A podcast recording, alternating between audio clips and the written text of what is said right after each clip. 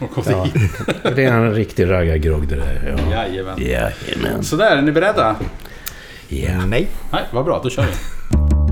Fakirpodden.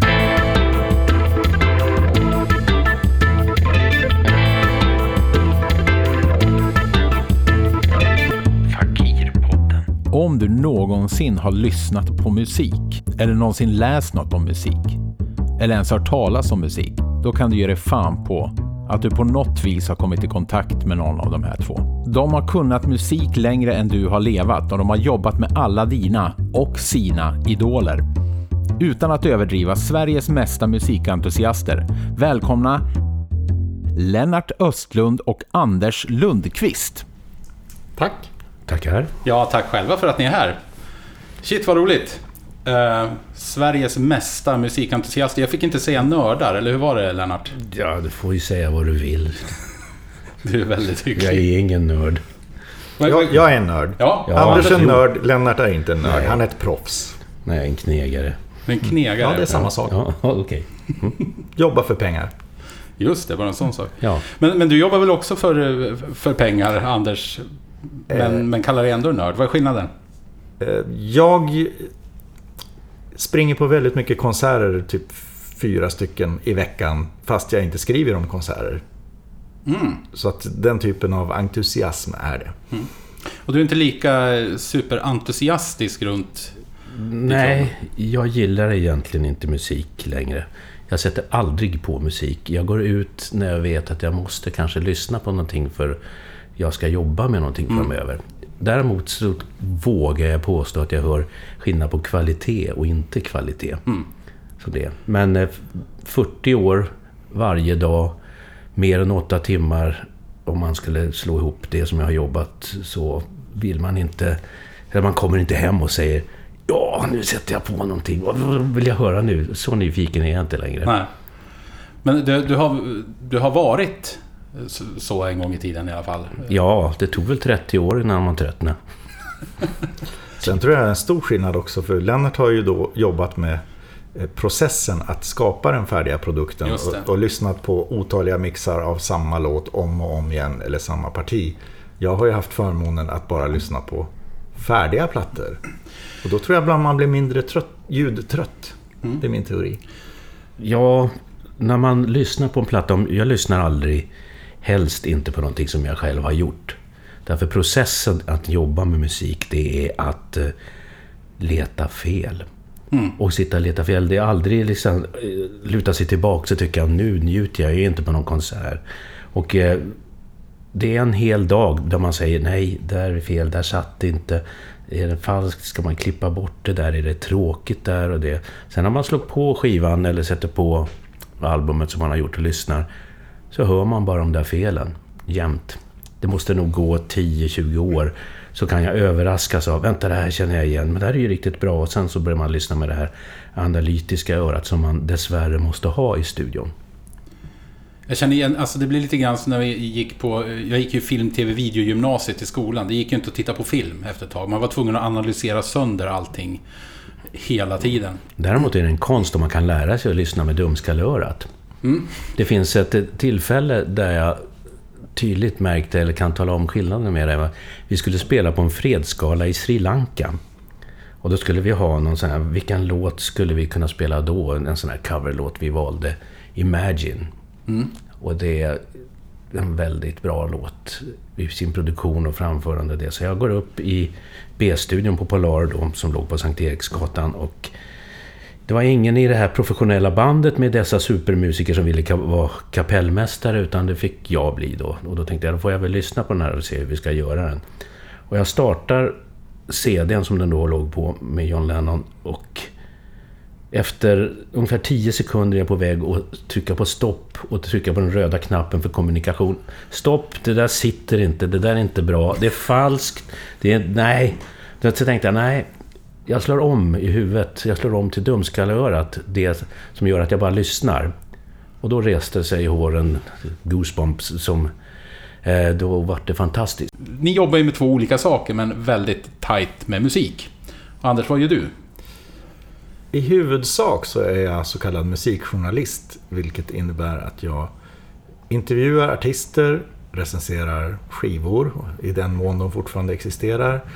Ehm, och skriver krönikor och Plus att jag väl är lite prostituerad åt skivbolag ibland, det törs jag säga. För jag, jag, är inte med i Journalistförbundet så att jag får skriva lite säljtexter och biografier åt, åt skivbolag. Sånt där som man inte sätter sitt Mm. namn under.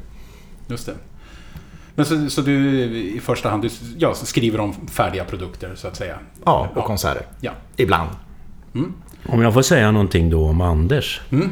Att eh, vi i branschen, när branschen var en bransch, vilket inte är så mycket nu för det har imploderat ganska rejält. Så var fienden, det var skribenten. Mm. Förutom en person som kunde alliera sig och vara tillsammans och vi kunde prata med och det var Anders. Så han kan man inte se som en skribent i vanligt tal. Tack, det var kul att höra. Eller också innebär det att jag är för okritisk och eh, snäll. Men jag tror inte det var det du var ute efter. Nej, därför ibland så kan journalistiken vara mer journalistik än eh, åsikter.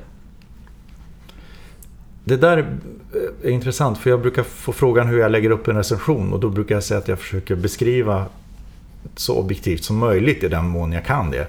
Vad det är jag hör och sen avslutar jag med en åsikt. Men sen så har det blivit så utarmat så att kvällstidningsjournalistiken gick ut på att bara skriva åsikten. Mm. Och då blir det ingen eh, konsumentupplysning till slut. Och det krävs inget kunnande heller för alla kan ju tycka att något är skitbra eller skit. Man gjorde sig ett namn genom att kunna såga på ett så roligt sätt som möjligt istället för rekommendera och tycka att det här är bra.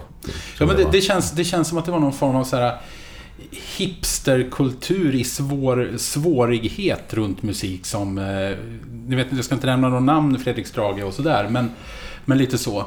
Eh, att det blev, ju precis som du säger, att man skulle, det skulle vara svårt och det skulle vara tunn, smalt och det skulle vara... Positionera sig själv Ja. snarare än skriva om musiken. Det stod om Led Zeppelin In Through the Outdoor i Melody Maker att det enda roliga med denna usla platta var om man pissar på den så ändrar den färg. Ja, du ser, det var, du, du vill ju läsa sånt. Det är väldigt roligt. Ja. Men eh, vi går vidare till Lennart då. Vad, vad gör du och vad har du gjort? Eh, oj.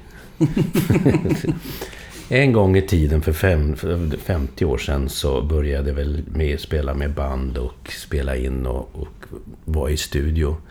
För 40 år sedan, förra året, blev jag anställd på Polar Studios där jag fortfarande är kvar i en bransch som har förändrat sig.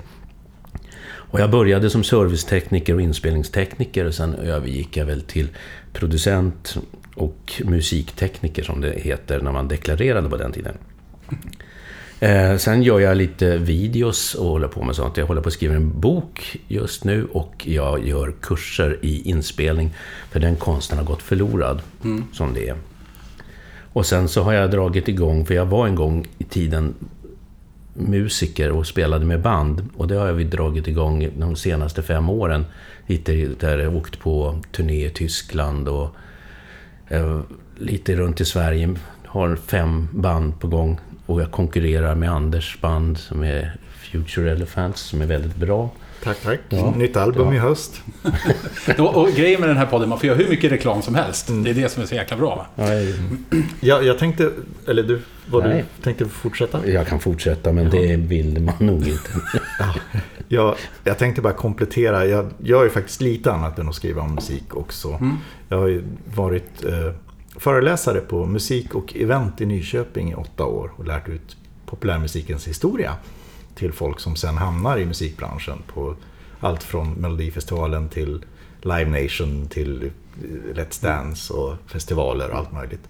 Och, eh, och sen så Lennart och jag lärde ju känna varandra när jag jobbade för en av Sveriges musikbranschtidningar. Vilket ju är en annan sak än att skriva om musik. Så att jag har alltså skrivit för och jobbat på eh, musikindustrin, Top 40, Billboard i USA och ja, branschtidningar som bevakar branschen utifrån det perspektivet. Just det, inte, inte ut mot konsument utan mer mot, eh, mot folk i industrin så att Ja, säga. och man bevakar också industrin, inte artisterna. Utan man intervjuar kanske en eh, marknadschef eller VD eller musikförläggare eller liknande. Eller Ja. ljudtekniker Ja, på men Polarstudion. Man kan väl också säga att jag var väl den som drev Polarstudion.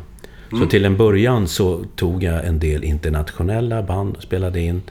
Och sen så hade jag på slutet på 70-talet, 80-talet, 90-talet de främsta, de som sålde mest eh, i den svenska, eh, utav de svenska artisterna. Men i och med att jag blev VD, det var ju en annan bransch när man gav sig in mot utlandet. Då kunde jag ju inte sitta på två stolar längre. Så när Rolling Stones kom till studion, då kunde jag ju inte samtidigt förhandla med deras manager som att sitta och spela in och sen ska vi ha en trevlig stämning. Nej. Därför de körde med någonting som var... Först ringde den, den som var managern. Bad manager. Finns inte det här där så kommer vi inte... Är inte det där där? Vi ska ha det här. Vi ska ha det och det. Och det samtalet måste jag ta. Det kan inte jag ta när jag sen ska jobba med, med de där. Så jag satte dit Robert Wellefors då på den inspelningen. Sen kom den riktiga managern. Hur snäll som helst. Men då hade det banats väg. Och diskussioner och pris, det sker ju inte med den de sitter och jobbar med. Utan då fick jag vara manager för studion. Fakirpodden. Som Lennart, som du beskriver att musik för dig har blivit, ja men det, det är ett ständigt sökande efter fel på produktionen och så. Eller är, det, är att göra egen musik någonting som eh, gör att du får någon glädje för musik igen då, eller? En gång i tiden så livnärde man sig på att eh, man sålde skivor. Och de skivorna vart ekonomi för nästa skiva och så vidare. Och den som skrev låtarna, han fick pengar från STIM och de som spelade fick från Sami. Sen så kom det sig runt år 2000 så att musikbranschen rasade. Då var det i slutändan upphovsmännen som blev de som blev, fick pengar. Att sitta i en studio när budgeterna försvann. En gång i tiden så fanns en studio. Man bokade studion från klockan 10 till klockan eh, 18.00. Sen kom nästa pass 19.00 till 2.00 på natten som det var. Och där, där drog det in. Och det, så gick det ju till när man spelade in. Och då fanns det ju en budget. En fattigmansbudget låg på 250 000 kronor. Som man spelade in. Eh, och det klarade man. En del drog över ganska rejält och det gick ju bra ändå att göra på det sättet. Sen när det imploderade och försvann budgetar, då kom det ju sig så att man gick upp till skivbolaget och sa nu skulle vi vilja få en budget till den här. Har du inte en dator? Säger man då. Och de som kom till studion, för det som är svårt att spela in, det är ju trummor. Sen är det ganska skönt ibland att ha någon på andra sidan glaset som man kan säga vad man vill. Som det är. Och man, när det inte är riktigt bra. Men så spelar man in. När det försvann så blev det ju inte så kul att ta ett gig när de säger att ja, vi har egentligen ingen budget. Till och med internationella artister som jag jobbade med börjar med att säga Nej, vi har ingen budget i det här. Och eh, då var det inget roligt. Då tänkte jag om, om man ska ge en chans så ger jag mig hellre in i lotteriet igen. Att skriva musik. Jag har aldrig slutat med det. Jag har hållit på lite, men lite mer intensivt. Och sen så var det inget kul för en annan anledning till att man ville sluta, det var ju det att det kommer folk som säger att ja, vi har 5000 kronor och så hör jag att här kommer inte bli någonting. Jag tar deras sista pengar. Jag fick ju dåligt samvete så jag valde nog att lägga ner den biten. Och en dag 1978, då skulle vi rösta om vi ville ha löneförhöjning eller pensionsförsäkring. Och jag vann inte. Utan det blev pensionsförsäkring. Så att för tre år sedan så sa jag, och tackar för det beslutet, att jag blir pensionär och sen tar jag bara de jobb jag vill ta nu. Som det. Och då gör jag det som jag tycker är kul. Men du Anders, med musiken och så börja spela med Future Elephants här nu. Men jag, jag kan ju faktiskt eh, dra det helt kort. Jag spelade hela 80-talet i olika band. Parallellt med att jag skrev om musik. Och eh, skrev många av låtarna till de här banden. Gjorde faktiskt lite skivor också. Sen så la jag ner det för att verkligen fokusera på att etablera mig som musikskribent i Stockholm. För att jag märkte att man tas mer på allvar om man inte säger jag gör lite av det och lite sånt och lite sånt. Utan nej, nu är det här min identitet. Sen började jag eh, skriva låtar vid sidan om lite i hemlighet, så här, bland annat med vår gemensamma vän Chris Laney. Eh, som då jobbade med Lennart i Polarstudion. Och eh, fick ut lite låtar här och där och så. Sen blev jag plötsligt 2015 i januari hemma hos Max Lorenz under ett reportage om Grand Funk Railroad så blev jag spelsugen. Och då hade inte jag spelat i band på eh, 25 år. Blir det väl. Och så sa jag, nu blir jag sugen på att spela ett band igen. Och så sa han, ja men det är inte så lätt att hitta någon i din ålder. Nej, jag vet det, sa jag. Eh, fast han hade rätt, fast åt fel håll. Senare samma dag så träffar Max Lorenz, som då är den enda personen i världen som vet att jag vill börja spela i ett band, så träffar han gitarristen Dante Holmberg, tidigare Strix Q, som säger Max, vet du någon basist? Det är så svårt att hitta någon i vår ålder. Detta är alltså tre timmar efter jag har liksom told the universe about my dream. Och då sa han, eh, har du kollat med Anders Lundqvist? Va? Spelar han bas? Säger Dante. Vi kände varandra sedan många år tillbaka också. Jag hade aldrig nämnt det. Då sa han, nej, men han ska börja igen. Samma kväll ringer Dante och säger, vill du provspela för vårt band Future Elephants? Och två veckor senare var jag med i bandet. Så att eh, det kändes lite meningen faktiskt. Ja. Ingen snack om Och jag är yngst. Ja, det var det visst. Det är min punchline. För mig så är det ju så att i de fem banden som jag har så är jag ju äldst. Bara fem? Ja. Som jag spelar med, eller som jag håller på med. Det står i min panna bäst före. Och det är ju så att om man vill få någon som ska jobba för bandet så har jag hört om internationellt vad de letar efter. Om man säger där, man får inte vara äldre än 25. Så jag får stå längst bak i mörk kostym och inte synas i det här. För att eh, det är ganska unga band som jag spelar med i det här. För att det ska vara en framtid, kanske i 10-20 år med spelad. Men det är precis motsatsen. Mm. Fast jag är fortfarande inte under 25, utan jag är 53. Men eh, det är ändå kul att vara yngst. Ja. Däremot kan man säga att de behöver ju dig to sound good. Ja, det är jag som styr ihop det mesta också i själva logistiken när det gäller att spela in, göra master, lägga ut det. Fast den, den nya generationen är jätteduktig i datorn och marknadsföring och den biten. Så det tycker jag är jättetråkigt, så det är med glädje.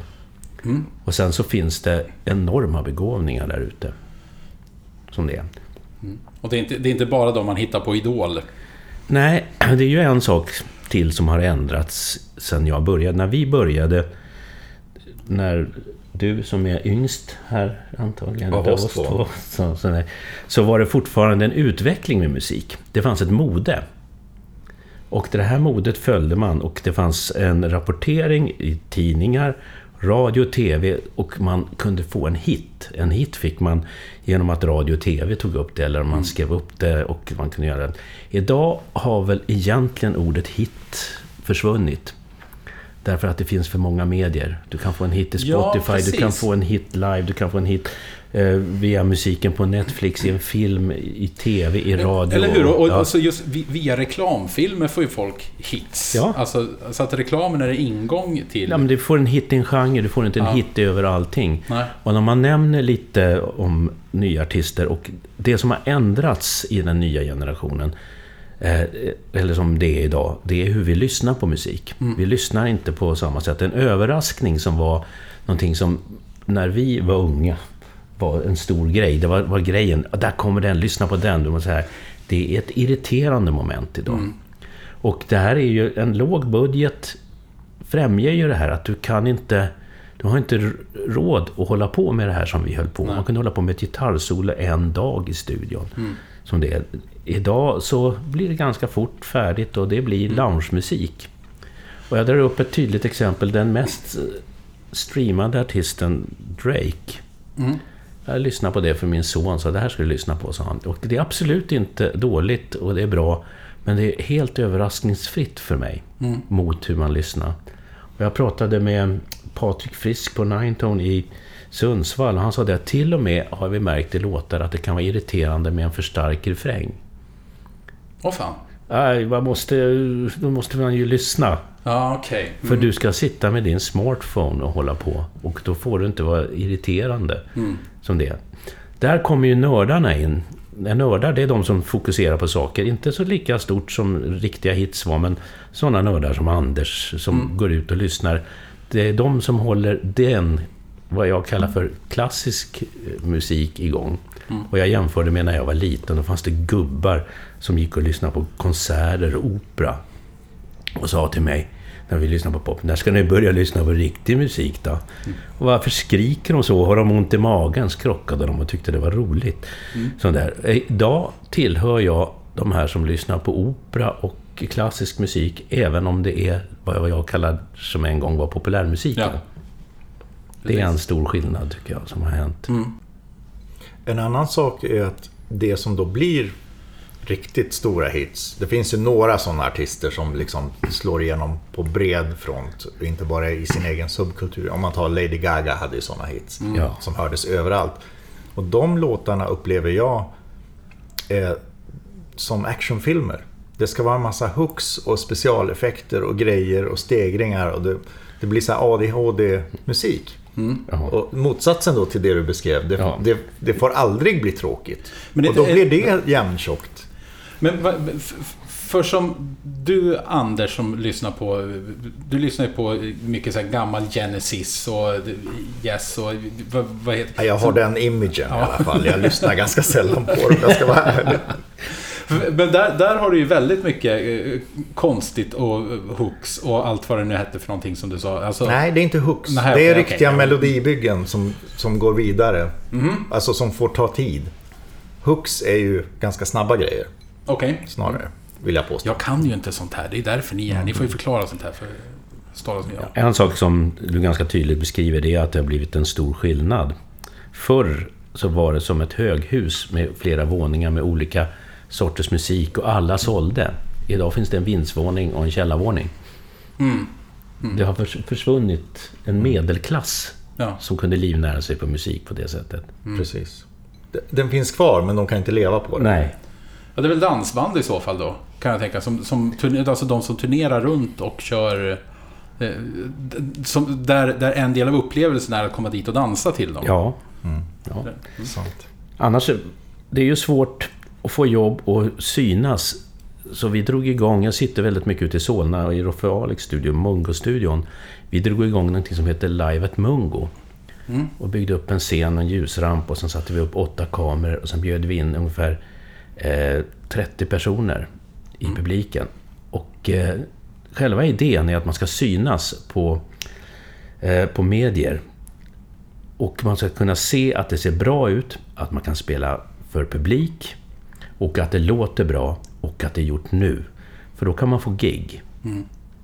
Eh, Vi funderar på att ta det vidare, försöker hitta något ställe ute så att det blir mer stämning. Vi gjorde det här en gång nämligen på KMH-studion, Byhustorget på Söder. Någonting som hette Live at Polar. Och det var själva tanken var att TV5 var intresserade för de tyckte att det här Melodifestivalen hade spårat ut och var, det var ett extra dåligt år. Och allting var klart och vi skulle sälja in det där så han som jag förhandlade med fick nytt jobb och sluta och då la vi ner den tanken. Men det drog vi igång lite nu igen. Det tycker jag är lite roligt. Man träffar folk, drar igång och sen att det syns. Nu sitter vi inte till så vi kan streama men kanske i framtiden att man streamar och gör någonting. Fakirpodden. Jag, jag älskar ju att lyssna på vinyl, till exempel. Och det vet jag att Anders också älskar att lyssna på vinyl. Så är det. Och om det är gammal vinyl, inte vinyl som är gjord på en CD-master som låter skit. Det var lite dit, däråt jag ville komma. jag gillar inte vinyl i sig. Det, det, däremot så kan jag känna att jag kan gilla vinyl i sig. På grund, av, på grund av lite grann, vi var nog inne på det lite grann, men hur man lyssnar på musik. För att lyssnar du på en vinyl lyssnar du på ett helt annat sätt än om du lyssnar på Spotify. Eh, för en vinyl... Inte om det är en singel. Spotify är ju, ett bru, är ju ett bitreducerat system. Det är nästan som en MP3. Ja, Vinyl är det inte, även om det är gjort på det sättet som Anders säger att jag vill inte lyssna på, på det som är gjort från CD. Och det kan hålla det. När man jobbade med vinyl, när man gjorde en sån här platta, då var det en dialog redan innan man började. Det var en dialog med gravören. Så där kan du inte göra. Nej, du kan inte komprimera, då kommer de där spåra ur. Nej, så där, du kan inte lägga basen i stereo, då kommer nålen inte klara det där. Nej, det får inte vara mer än 20 minuter för då kommer det bli arkivexemplar utav det här. Nej, du får inte köra det här. På så sätt så måste man jobba mycket hårdare med vinylen på den tiden. Mm. Och det gjorde man om man diskuterade, om man gjorde provgraveringar. Det gör man ju inte längre. Man hade ett lack som var som en stenkaka. Så gick man hem och lyssnade på det och sen så var det hela processen att det skulle göras galvanisering och sen skulle det göras en moder, en fader och en matris och sen skulle det tryckas och leta annorlunda. Så fick man sitta hela kvällen och lyssna. Klarar essen sig? För det brukar säga ibland när det blev för mycket. Men det var väldigt noga process. Ja. Det här. Och man blev alltid gladare när det var graverat därför att där kom kompressorn och det här till. Idag så är det ju liksom vad vi tyckte var lite kul en gång i tiden, för det lät amerikansk bilradio. Det var mycket limiter. Men det, klarar, det, ja, det klarar inte en gravering. Inte 20, över 20 minuter. Man brukar lägga balladerna längst in och det var en strategi hur man, man kopplade plattan. Ibland så lyssnar man ju bara på fem låtar för att lära sig det här. Sen gömde man den låten man inte stod för som B-sida 3, som det var. Där hamnade Sommaren i kort.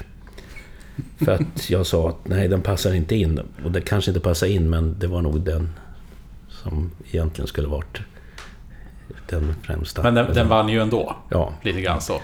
Hur man byggde ett album förut gentemot hur man bygger en skiva idag. Är det skillnad i hur man... I, Ja, i och med att det var två sidor. A1 hitten. Ja, Eh, A3, förmodligen den som var singel. Okej. A2 en bra låt, en ballad längst in. B1 en jättebra låt. B3 har vi pratat om. B5 förmodligen en ballad också egentligen, för att Ja. innerspårsdisten blir för mycket. Ja, Och, eller kanske en lite längre låt, lite episk sådär, som man vågar slänga in på slutet när man Purple redan hade Rain. fångat folk. Ja. den, den som trummisen har skrivit slänger man. ja, fast det kan också vara en experimentell låt. Ja. Tomorrow Never Knows med The Beatles från Revolver 66. Eh, den tyckte ju väldigt många var konstig. Och den hade man kanske hoppat över om man hade Spotify. För det här, nu kommer den konstiga låten, vad är det här för flum? Men folk vande sig för att den låg ju där liksom. Där någonstans 66-67 så kom det någonting som blev albummusik. Innan dess så var det egentligen en samling utav singlar. Just det. Och det var hippierörelsen som gjorde det här. Och det var ju vissa låtar, man bjöd på det här som man med en gång tyckte var bra. Obladi och blada med Beatles. Men så fanns det någon annan låt eh, som var mycket svårare, som man efter ett tag tyckte var bättre. Som det var. Så tänkte man om man, man la upp eh, så att det skulle hålla länge. Ja, för, för så kände jag, att- för jag, jag är ju kassettbandsgenerationen. Börjar komma tillbaks. Ja, Ja, det gör Det Ja. alla de här låtarna som man hade inspelade, de lyssnade man ju på. eh, he- hela vägen igenom på det där bandet. Ja. Även om det var favoriter eller om det var någon konstig låt. Så till slut så älskade man ju alla låtar. Och man visste precis vad som kommer efter den här. Och det kan ju vara så ibland, idag, om jag lyssnar på en låt så, som, jag, som jag har sedan min barndom, så kan jag tänka när den tar slut så börjar jag liksom nästa, nynna på nästa låt. som låg efter. Eller också har man eh, en programledare från radion för man spelade in på kassett från ett radioprogram och så blev man irriterad om de började prata för tidigt i låten. Just det. När den tonade ut. Man har Kai Kindvall eller Ja. Klabbe eller något sånt där som... Och det har jag också inetsat i huvudet. Liksom att, ja, det var här de sabbade låten. Ja. Jag måste få dra en, en liten story där. Kan till och med komma från Lennart, men jag tror inte det. När det var ett specialprogram om Jimi Hendrix, en av världens mest berömda gitarrhjältar. Och så var det något jubileum, liksom 30 år sedan han dog eller något. Och så var det ett specialprogram där de pratade om Hendrix storhet. Men radiopratare, de tenderar att tycka att låten, det är ju när man sjunger. Det är vers och refräng. Och sen när det kommer ett gitarrsolo så tonar man ner och lägger lite speaker på det. Och så gjorde de det i ett specialprogram om världens främsta gitarrist. Så att när han väl började liksom spela det han var berömd för, då tonade de ner låten och sa Jim Hendrix var en mycket berömd gitarrist, väldigt originell. Och, han, och alla bara så här, sluta prata, vi vill höra.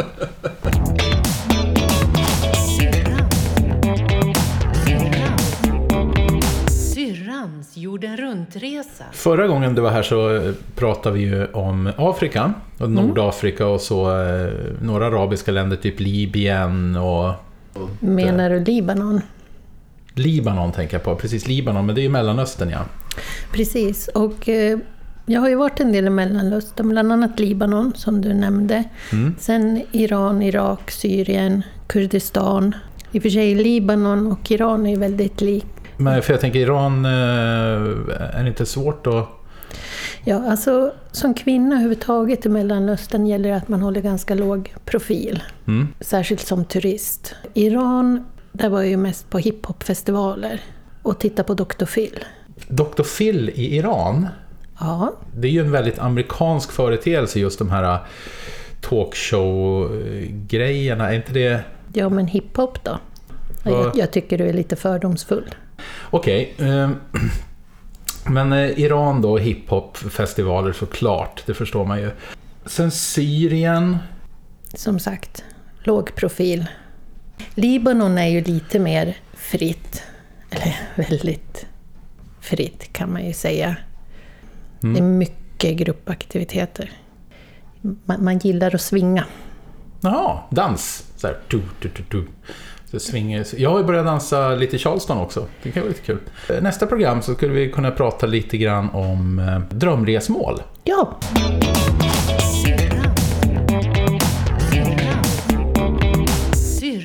jorden runt-resa. Ja, det, det är ju en historia i sig varför s- eh, utländska stjärnor kom under en så begränsad tid.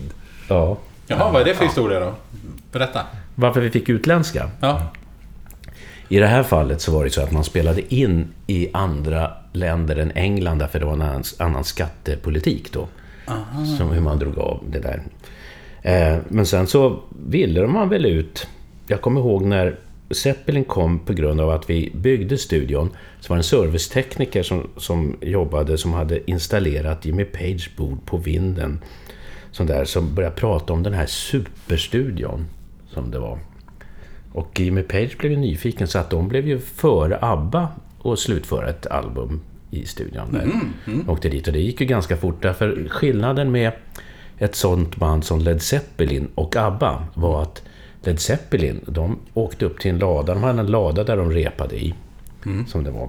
Och sen så kom man till studion och sen gick man där och skrota. Gick man där och skrota. Sen satte man det på tre tagningar. Och eh, jag frågade en gång Robert Plant, så här, när ska vi sätta sången då? Och jag fick till svar, vad var det för eh, fel på den där? Var det något fel? Mm. Nej, det var det väl inte. Att då jobbade man, sen kunde det vara gitarrsolon in absurdum. Men, men man jobbade på det sättet att man satte en bakgrund som var klar. Eh, Abbas orkester däremot, de testar ju på ett helt annat sätt. Man satte en bakgrund sen, hur, innan man satte bakgrunden, som Björn sa en gång, först måste låten vara klar, man går inte in. Sen kunde man höra den som en rocklåt, en poplåt, en ballad eller eh, ja, vad det nu månde vara. Honky Tonk som Ja, det- for och- the Music var och, country och det vreds och sen så var det pålägg och man testade tills, tills det blev det som det blev. Mm. På så sätt jobbade inte... Det gjorde man inte för de här klassiska rockbanden för de, de hade inte de resurserna Nej. som det var. De repade in och gick in och körde och satte dem liksom. Ja. precis. Och det Och då- gör Future Elephants än idag. Fakirpodden. Du sa en intressant grej, att det, det var mer känsla i liveversionen. Men jag har en liten käpphäst där. Känslan sitter ju i lyssnaren. Du får känslor. En annan person kanske känner tvärtom. Och då kan man ju inte säga att de känner fel. Förstår du vad jag menar? Ja, ja, ja, absolut. Eh, absolut. min pappa tycker att Sultans of the Swing med Dire Straits är världens bästa låt. Eh, och han får gåshud varje gång han hör den. Och så ibland spelar han upp den för folk och så säger han men de märkte inte att det var sån känsla i den låten. Och då säger jag fast du vet att det är du som känner det här. Det- Den är inte inbyggd i låten. Även om Nej, den framkallar det hos många. För andra bara säger, äh, tråkigt, gubbrock. Usch, 18s fick gitarrsolo." ju en hit med Mamma Mia. Och en eh, producent till mig, dotter, älskade låten. Pappa säger till dottern, du ska lyssna på originalet här. Sen spelade han upp ABBA. Och då sa dottern, jag tyckte av originalet var bättre. Alltså inte det du spelade upp. Så att det sitter i lyssnaren också. Ja, verkligen. Ja. Jag tänkte vi skulle lite granna eh, byta, eller byta ämne ska vi inte egentligen göra, men ni har ju jobbat ihop med väldigt många alltså, stora artister. Så jag tänkte vi skulle prata lite grann om idoler. Och någon som har något att säga om idoler, det är min mamma. Jag ringde henne igår och det lät så här. Fa- fa- fa- Fakiren ringer mamma. Tanja. Hej mamma! Hej Martin. Vad är du? Och jag är på väg hem, sitter i bilen, har varit på simskola. På simskola? Det är bra. Ja. Då lär du dig Ja. simma. På, man kan inte lära gamla hundar sitta, men man kan lära gamla finlandssvenska tanter att simma. Man kan lära gamla tanter att simma. Det är bra. Ja, jag börjar bli duktig. Vad vill du Jo då? mamma, idoler. Vad har du för idoler? Vad jag har eller vad jag hade? Ja, vad, du har haft, ja, vad, så här, vad, vad har du haft för idoler? Stora idoler genom tiderna då? Ja, i tonåren var det väl Hepstar. Är det Svenne och Lotta? Nej, inte Svenne och Lotta, Inte fan vet utan jag. riktiga, he, ri- riktiga Hepstars med, med Svenne och, och vad de nu hette allihop. Jag kommer inte ihåg just nu vad Mm. de hette, men uh, Benny Andersson var väl med, va? Var inte han med? Tror jag. Okej. Ja, och sen har ju jag varit en sån där som har älskat att dansa, så det har varit mycket dansmusik. Mm. Men eh, å andra sidan har jag varit, tyckt mycket om Elvis, ABBA, Mm. och de var faktiskt i Tären en gång i tiden. Då hette de nog Festfolket. Jag har för mig att det var stolar där det fanns namn liksom på deras ryggstöd och sånt där. Och sen eh, så, så kommer jag ihåg, och sen Björn Skifs har jag dansat till med när han spelade med blå blus och honom tycker jag om jättemycket. Men, det, men det är såna, då, då är det sådana band du har sett live i alla fall? Du har varit och sett? Ja, Mm. absolut. Har, du, har du träffat de här idolerna någonting, eh, så att säga privat eller bakom eh, scenen eller så? Fått Nej, prata med nej, dem? jag har inte varit någon sån, sån vad de nu kallar dem för, gropis eller vad de nu är för något. Det, det var inte, det var inte en fråga, men vad kul att du tog upp det ändå. Va? Nej, Och Jokkmokks-Jocke. Jaså, minsann. Ja. Har du blivit starstruck någon gång? Har det varit så att du har träffat någon som du har sett så, där, så att du, oj, du, vet, så du blir lite blyg? Nej, faktiskt inte. Nähä, Nej. inte alls? Däremot vet jag en, gång när jag var på här eh, på Flanör och handla så kom det, eh, såg ut att vara en väldigt bekant karl som kom och så hejade jag. Och sen när jag tittade, då var det ju Lasse Lönndahl så det var ju inte någon bekanting till mig direkt utan bara en kändis. Men har du något eh, så här, konsertminne eller någon, eh, säg, någon, någon konsert du har sett som du verkligen, verkligen kommer ihåg? Ja, men det här kommer du minnas till, tills du dör. Ja, det, det senaste det var ju Jerry Williams och det var ju faktiskt härligt att hann se han live innan han dog ju året efter. Ja, Jag älskar ju all slags musik och, och, och, och lyssnar. Det är så roligt att städa till musik och det kan vara allt från finska tangon till humpa till uh, country western och dansmusik och men då, då, tycker jag, då tycker jag vi gör så här mamma, att eh, jag ser till att ladda upp min Spotify här med massor av finsk ompa ompa och dansmusik så får du komma hit och städa till veckan. Nej, det gör jag inte. Du får städa innan jag kommer. Så enkelt är det. Mamma, ha det helt fantastiskt. Tack så jättemycket. Ja, tack. Ja, Kram på dig. ha det bra. Mm. Hej, hej. Hej då. Hej. Fa- fa- fa- Fakiren ringer mamma. Mamma är ju inte, blir ju inte starstruck så lätt. Men hon, hon tycker att hon känner dem. kan ju börja med Anders. Blir du starstruck? Inte när jag träffar dem i jobbet. Men när jag träffar eller stöter på idoler oväntat. Kanske, som det fanns ett ställe, det finns väl kvar fortfarande, men det var inte samma sak som det är nu. Café Opera var väldigt hett på 80-talet.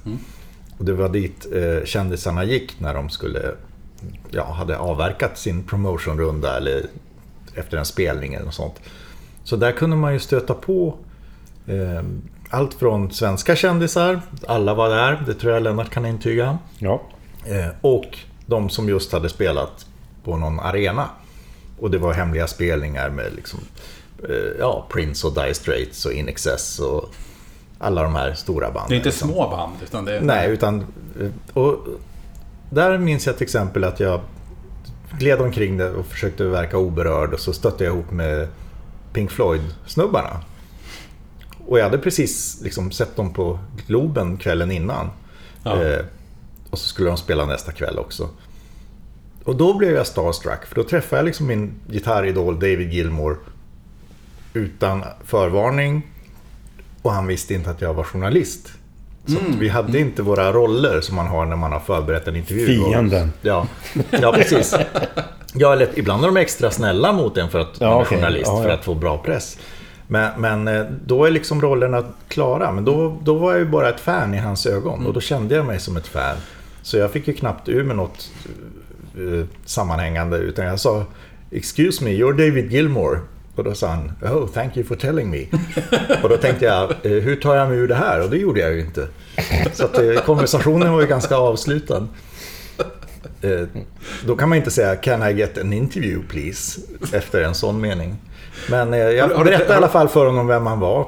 Ja, det var ju skönt. Har, har du träffat honom efteråt i jobbsammanhang då? Nej, nej, det var faktiskt på gång men, men det har inte hänt. Nej. Däremot för att svara på din fråga. Alltså, jag räknade efter ganska nyligen i samband med att jag fyllde år och skulle summera mitt liv. Och då försökte jag lista de artister som jag intervjuat och, och grupper. Och jag stannade vid 1200 olika akter. Ja, det är helt... Eh, sen orkar jag liksom inte Vilket tålamod du. Eh, och, och de flesta har jag intervjuat flera gånger, så det kanske handlar om 5-6 tusen intervjuer. Och då, man blir inte starstruck efter ett tag. Alltså. Nej, nej. Det är ett jobb. Det spelar ingen roll vem det är. Enda gången jag blir nervös, det är när folk runt omkring är stirriga. Snart kommer han, snart kommer han. Nej, han är två minuter sen. De kommer genom den dörren. Och när... Säg inget när de kommer. Och du vet, någon sån där assistent som ska Ja. liksom eh, styra upp allting och bara göra folk nervösa. Då kan man bli lite så här. Vad är det här för något? För, för det... För någonting som jag har märkt med dina intervjuer, alltså speciellt, jag, jag vet en intervju som jag har läst, med, den med Tom Waits du gjorde. För där får jag en sån känsla av eh, eh att man är ett fan som är där och träffar sin idol på något vis. Det, det känns som att jag är där och är lite nervös för att träffa Tom Waits. Förstår? Jag får- Jag får den känslan. Men det är kul. Ja. Men det är väl förmodligen för att du är ett fan och tycker att det är lite spännande. Ja, men, men, du, men du beskriver ju också på ett sånt sätt som gör... Eh, du har väldigt mycket en sån eh, känsla tycker jag när du skriver. Att det blir väldigt personligt. Man, man känner in hur det är att sitta med den här personen. Det är trevligt. Mm. Jag tror att det är lättare att, att beskriva det om man, som i det fallet, flygs iväg till Petaluma en mil, eller en timme norr om San Francisco och sitter på hans stamställe, Amsterdam Café. Det är liksom, då finns det ju en scen att beskriva Ja. jämfört med om de sit, vissa artister i Sverige, de kommer ju hem till mig så sitter vi i min soffa. Det är lite som ni Det- gör nu. Ja, exakt. Ja, men det, det är liksom en annan grej. Och i och för sig så är ju det nästan coolare när artisten kommer hem till en i en soffa. Känner du det? Känner du det? Jag tycker det här är faktiskt... Ja. på, på riktigt så tycker jag att det här är lite coolt. För det sitter ju faktiskt två stycken, eh, inte så här... eh, Artister. jo, men det är väl artister Ja. också. eh, Men, men det är ju två stycken i branschen legender. Båda ni två är ju... Och vi tuggar i din mikrofon. Ja, det gör ni helt rätt i. Herregud, vi bjuder på... Vi, jag bjuder på sånt som knaprar. Det är klart som fan det ska knapra mikrofonen. Nu, nu, Oprofessionellt. nu, nu, programledaren, Ja. pod, podmaster, Ja. så vill jag protestera mot när du kallar oss legender. Inte av blygsamhet, utan för att legend är någon som är död och legendar, då lever man Ja, fortfarande. fast när jag tittar på er så tänker jag ändå... Jag har Döende legender. Ja, precis. Dö, döende legendarer. Ja, just det. Ja, nu har vi hållit på för länge här. Lennart, innan du stoppar in den där i käften här. Har du blivit starstruck när Nej. du har jobbat? Aldrig. Aldrig? Nej. Kanske av någon intervjuare. Ja, det skulle vara Anders då. Ja, Nej. Jag, skulle, tänker, jag tänker på mig nu. Nej. Ja. nej, det skulle aldrig funka. Nej. Men var ni inte lite nervösa innan Jeff Lynne skulle komma? Det har du berättat för mig. Nej, vi var inte nervösa. Utan Micke Treten och jag, vi sitter och tittar på Billboard och Elo hade bokat in sig i studion. Så, så säger han så här. Titta på det här. Han, han ser elak ut. Han, han är fan elak den här snubben. Ja, men det är han nog så här. Och, eh, ja, så kommer han. Så tänkte jag, undrar om det är någon så här elak eller som det är. Och så kommer världens timidaste, snällaste man. Så att det, var, det var mer förväntningen att vi trodde att det skulle vara en elak. Men även... Nej, man blir inte starstruck även om de är elaka eller inte. Nej. Nej, det skulle inte funka att jobba då. Nej. För jag, jag har blivit starstruck eh, en gång i jobbet och det var Lill Lindfors. Eh, Då blev jag... Och du- då var ju du med Anders också. Jag var inte bara med. Nej, du var också starstruck. Det var, ja, och det var jag som gjorde intervjun och du Ja, som plåtade. Vilken grej. Vad här va? Ja, det var här. Det var här. Eh, Så du, precis nu Lennart, så sitter du där Lill Lindfors har haft sin rumpa. Det är helt fantastiskt. Henne har jag spelat in. Ja, såklart. Inte hennes rumpa då. Nej. Nej. Nej, jag hoppas inte det var. Jag tror att det var blås. Det här, det här känner, det, det du pratade om eh, att eh, vara nervös innan. Det, det var jag med om när jag skulle plåta Kjell Bergqvist. Då var jag nervös innan. För då tänkte jag att jag började kolla på gamla intervjuer och du, du, han kan vara ganska burdus och svår och eh, så här. Och sen möter upp honom då på Kopangang och ska plåta honom. Och han är så skön. Bara, bara trevlig. Vad, vad lätt det blir när man har gått och spänt sig innan. Men då. det är ju inte vara starstruck. För jag vet Nej. när, när Genesis skulle komma, då hade min chef Leif Mases åkt bort och Treto var inte där. Det var bara jag i hela studion. Det kommer hela Genesis in och eh, jag är ansvarig för att de ska gå in i studion. Padgham är tekniken och eh, När är det här? det borde vara 1981, 82. Mm. Ja, eftersom Duke kom ut 80 så var det nog 79 eller 80. Nörd. An- Jag, är- jag är dessutom ett, dessutom ett fan av detta band. Ja. Så, Nej, men hur som helst så låg man ju på morgonen klockan halv fyra när man vaknade och tänkte Tänk om nätagget bara lägger ner, bordet lägger av och där står jag ansvarig och de blir arga. Det är inte vara starstruck. Nej. De, de kom till studion och mycket riktigt, nätagget gick sönder. Och jag säger så här, det har gått sönder. Och då säger de så här, hur lång tid tar det att laga? Ja, men det här fixar jag på en timme. Då tar vi en timmes paus av dem. Värre än så var det inte. Nej. Nej. Men det, det, det finns alltid en oro. Och är man inte orolig eller nervös innan en inspelning, därför att det är inte jag som ska prestera, de ska prestera och jag får inte göra fel. Så än idag, när det kommer någon till studion, så är det liksom innan jag planerar och tänker och det finns tusen infallsvinklar vad som kan gå fel. Och de angriper jag hela tiden och det är... Det är inte så att jag går till studion, ja nu får vi se, vad vill ni? Och så mickar jag upp och... Ja, men det här kan jag, utan jag tänker långt innan. Jag var ju någon gång och spelade in, ba- bara, la no, jag, jag bara fick hoppa in och köra någon kör någon gång. Eh, En pratkör En på- pratkör, ja. ja. På en skiva. Och det, var- det var en ren slump. Jag var där och hälsade på dig eller Ja. sådär. Och så ska jag lägga någon form av kör. Och hur lätt det var för dig att bara göra omtagning. Alltså du vet såhär, när, när någon kan sitt verktyg. När, när man verkligen kan precis allt inom sin grej. Som, jag kan ju Photoshop bra, eller jag kan mina fakirgrejer, jag kan köra nål genom kroppen när som helst. Liksom. Men att du också bara kan, ja, ta det där igen, så spelar vi om det här igen. Och så, pop, pop, pop, och det bara går på ett ingenting. Det man... Anledningen till att man kan, det är ju inte ett vanligt jobb. Jag har ju inte haft något fack eller någonting. Till en början så var det ju inte åtta timmars dagar. Det var ju 10-12 timmar, ibland kunde det vara 20 timmars dagar. Jag har i princip aldrig tagit någon semester, för det blev kompledigt. Så att om jag jobbade 10 år så har jag jobbat 12 år. Och man gör det hela tiden. Man lär sig... Det, det tog två år innan man kunde hantverket. Sen lärde man sig väldigt mycket som... När jag gör kurserna, som inte en person som har hållit på i fem år har dragit slutsatsen.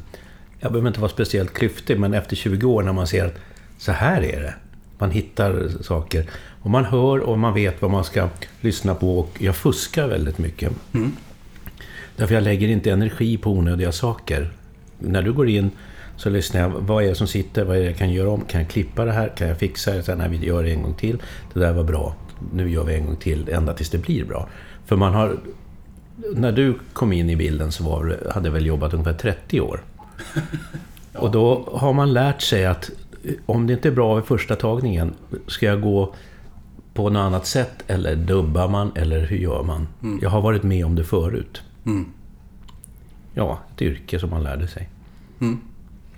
Det där är väl egentligen professionalism. Att kunna parera grejer som går snett och veta alternativa lösningar och ha en plan B utan att behöva återuppfinna hjulet. Liksom. Fakirpodden. Jag, jag har varit med om folk, alltså du, du vet när vi hade våra gamla punkband i Gävle på den gamla onda tiden. Och så skulle någon komma och spela in på Bryntses fyra kanalers porta. Och trummisen är så nervös. Så han kan, han, kan inte spela, han kan inte spela någonting. Vi är tvungna att liksom sitta och ha ett samtal med honom i en timme innan han kan börja spela trummor. För en fyra kanalers porta-inspelning, det är ju... Det är nerver i en inspelning, för det är ju det är någonting som lämnar ett avtryck. Ja. Men jag, jag vet live, när när jag har spelat in live, bara det att det kommer upp extra mikrofoner på scenen kan göra att folk blir nervösa. Och nu, då tänker man också så här att nu, nu måste jag göra bra för mig för nu tar vi det här och då blir det extra dåligt. Men det, det blir så, det blir en spin-off-effekt. Ja, man blir man, överpeppad. man frågar sig själv och då säger man jag hör att det är fel, det måste bli bättre, då blir det ännu sämre och sen så... Det finns en motsvarighet i intervjusituationer också. För det är ju en typ av performance från den som blir intervjuad. Och den som inte har intervjuvana.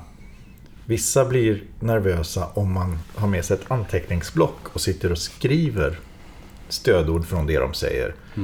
För till exempel om man slutar skriva. Då känner man, åh jag är tråkig. Jag, det, det där var inte intressant. Nu skriver han igen. Vad skriver han? Undrar om han skriver rätt. Nej men det där vill jag inte ska komma med. Sluta skriva liksom. Och sen, nej men nu skriver han inte. Men jag sa ju något jättebra. Det Och- fin- finns väldigt mycket humorpotential i det. Ja, här. exakt. Ja, men alltså, det, jag tror att det skapar större nervositet i längden. Att folk sitter och skriver eller inte skriver. Eller hamnar efter. Eller, och ibland så skriver de och då lyssnar inte intervjuaren för att de ligger steget efter Ja, hela tiden. ja. Jag spelar alltid in intervjuer. Det innebär att vissa som inte är vana blir nervösa och säger Oj, spelar du in det här? Och så tror de liksom att det ska sändas i radio. Fast det är bara för mina öron. För att transkribera. Men, men för du har, ju, du har ju varit med om sådana saker som att inspelningar har blivit stulna. Ja, ja. Och vad, vad gör du då? Alltså, ber, berätta, det, det fanns ju en situation på en flygplats. Ja, alltså jag, för det första tackar jag min lyckliga stjärna att jag inte jobbar med radio när en inspelning blir stulen. För att det fanns, eller finns en person som heter Lennart Wretlind som intervjuade George Harrison i The Beatles i samband med att de släppte The White Album.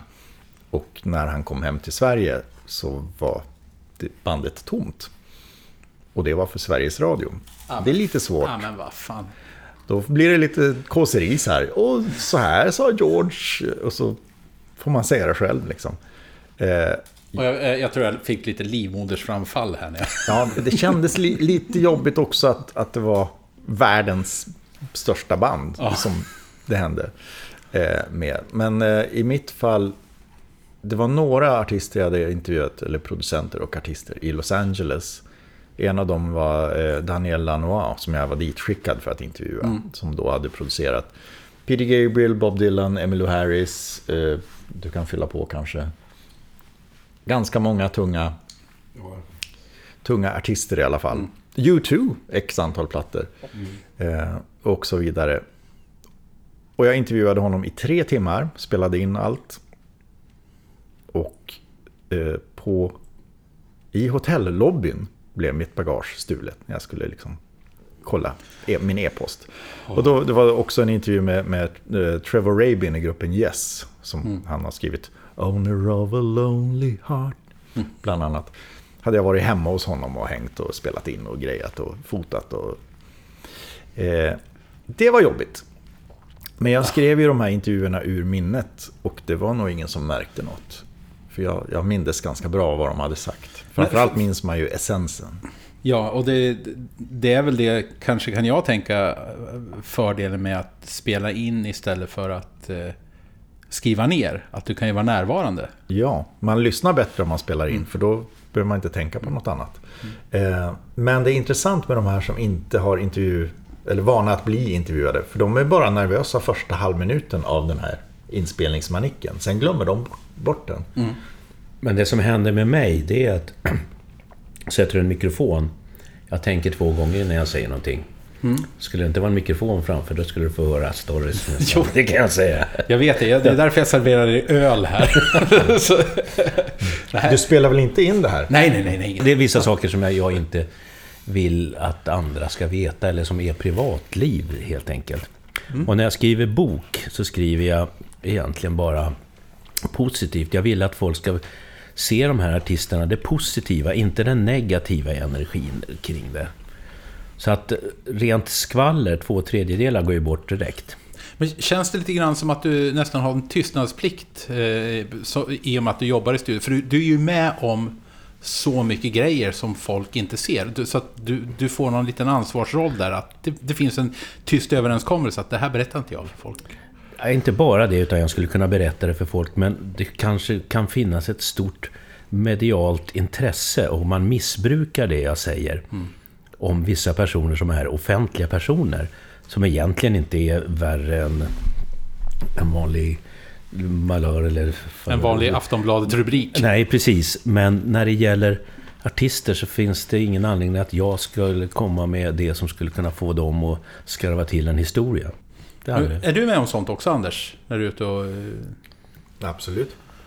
Jo, men det förekommer ju... För, för du är ju ändå, du är ju ändå verkligen inne... När du kommer till en, sån, en, till en sån situation så är ju det ofta i en... eh, I en roll av att du ska sprida sånt här vidare. Förstår du? Man får ju samtidigt ett förtroende av vissa. Att, att man liksom stänger av den sidan. Och bara hänger.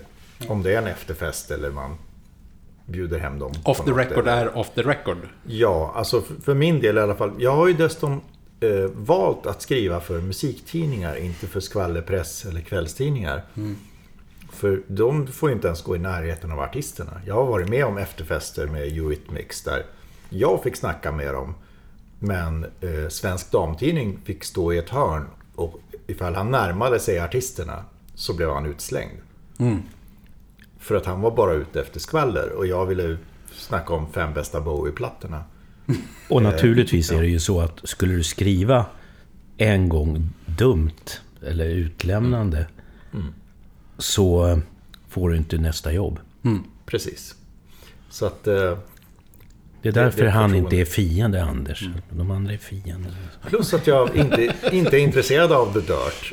Alltså varken att läsa det eller att sprida det. För att jag är intresserad av musik. Jag vill veta skapandeprocessen och låtskrivandet. Inte vilka de har varit ihop med eller drogstories eller sånt där. Men jag har alltså haft ganska kända artister som har somnat i, i mitt badkar hemma på blöta fester. Och vet du vad? Jag vet vem du pratar om precis just nu, för jag Ja. var med på samma fest. Men... Ja, men och, och det är till och med så att han skulle nog inte ha något emot att man sa vem det var. S- Stäng av så får jag. Men det blev, det blev ju inget boksamarbete mellan er två En. än. Men du skriver en bok nu, Lennart. Jag håller på och vill att det ska bli en bok, men just nu är det en dokumentation över den här tidsperioden. Är det lite grann som Muminpappans memoarer? Nej, det är inga memoarer. Det är, jag försöker tala om hur man tänkte. Hur resurserna var, vad som fanns. Hur man sålde, hur man tjänade pengar och, och eh, emellan varven så berättar jag en del anekdoter som kan vara roliga. Jag pratar om psykologi och jag talar om den teknik som fanns. För tekniken styrde lite grann hur musiken skrevs. Och de låtar som blev låtar. Idag är det ju tekniken som styr låt...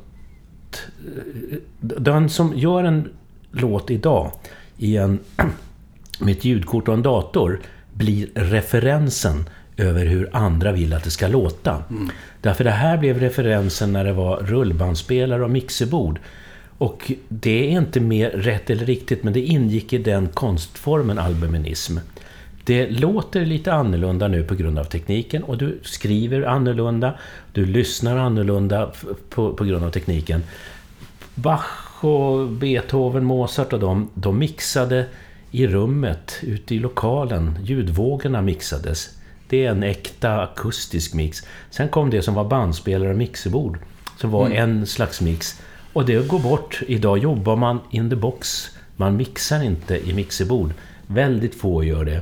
Och det medför att det blir ett nytt sätt att arbeta, ett nytt sätt att skriva. Och det kommer komma konstnärer och som kommer vara den här, så här vill vi att det ska vara. Så att det är en ny tid.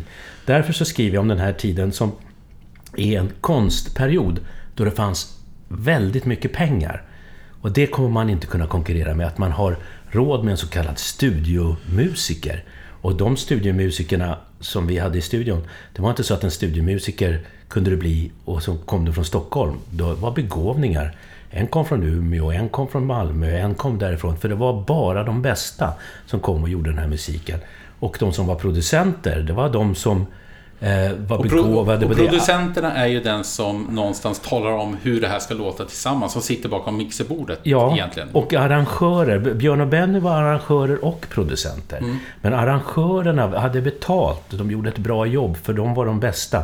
I en lokal som var gjord för ljud. Där det satt någon som tog hand om tekniken till full och pricka. Och det var folk som bedömde. Och de som satt på skivbolagen, det var ju inte eh, finansmän och jurister. Utan det var eldsjälar. Anders Burman, Ola Håkansson, Stickan Andersson och det. Och eh, producenterna var, var under sina A&Rs styrda, sån här produkt ska vi göra. Och sen så fanns det, ja det var en helt annan tid, andra resurser. Det tycker jag, med den här konstskatten som jag aldrig tror kommer försvinna. Man kommer hitta eh, den här inspelade som finns och då vill jag ha, tala om, så här tyckte man, så här tänkte man. Därför skriver jag det här. Fakirpodden. Men det tycker jag är någonting väldigt fint med dig Lennart. Att eh, hur stor du än är, eller vad vi ska säga, så... Du har ju ringt till mig några gånger och sagt att Fan Martin, det här gjorde du bra. Snygg bild. Eller vad det nu kan vara för någonting. Min mentor i tidig karriär var Mikael B. Tretow. Det var han som lärde mig att den här positiva energin, när någon har gjort någonting bra, då ska man höra av sig. Vi hade ju på tidigt 80-tal Måndagsbörsen. När någon hade gjort någonting bra, han kunde komma till studion och säga det där var så bra igår, jag måste ringa. Och även om han inte kände personen så bra så sa han Hej, det är Micke Tretow. Eh, jag såg det där igår. Det var väldigt bra, jag ville bara säga det. Och de tacka. Och det, det ger ju bara energi till att fortsätta. Och det här är ju innan tummen upp på Facebook. Ja, som Det det och det, jag hade samma diskussion med Pontare i, i turnébussen. Pappa Pontare. Pappa Pontare, Ro- Roger Pontare. Ja. Då satt vi i mm, turnébussen sent en kväll och drack vin. Och eh, började prata om det här att varje gång man är in till någon som har ett serviceyrke, alltså vid, på en krog eller vad det kan vara, så tack, bara säg tack. Det behöver inte vara så jävla svårt. För att vi jobbar med att stå på scenen, vi får applåder, vi, vi jobbar med att få applåder, vi får bekräftelse jämt. Men att bara ge tillbaks en liten skvätt av det till, till de andra som gör ett precis lika bra jobb, fast på ett annat sätt. Och man ska inte vara rädd för att gå fram till någon efter en föreställning och säga Det här var väldigt bra. Det såg jag. För det vet jag när jag var med Liney Wood, Düsseldorf.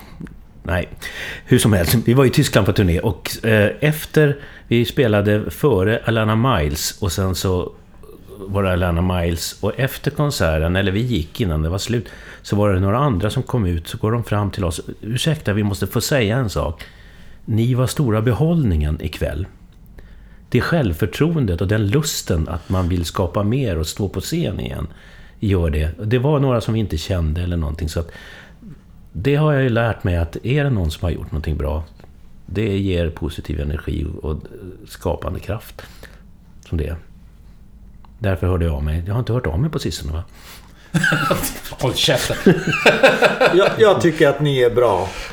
ja, Jag kan inte precisera någonting, men Det tog 40 år. Ja. Jag hoppas Lennart att du ringer efter det här programmet. Annars jävlar. Fakirpodden. Löjligt spännande, alltså på riktigt. Och eh, nördigt och trevligt, precis som det ska vara i Fakirpodden. Och det viktiga är ju inte att det är intressant för alla. Det viktiga är att det är intressant för mig. Tack Ja. för att ni kom. tack.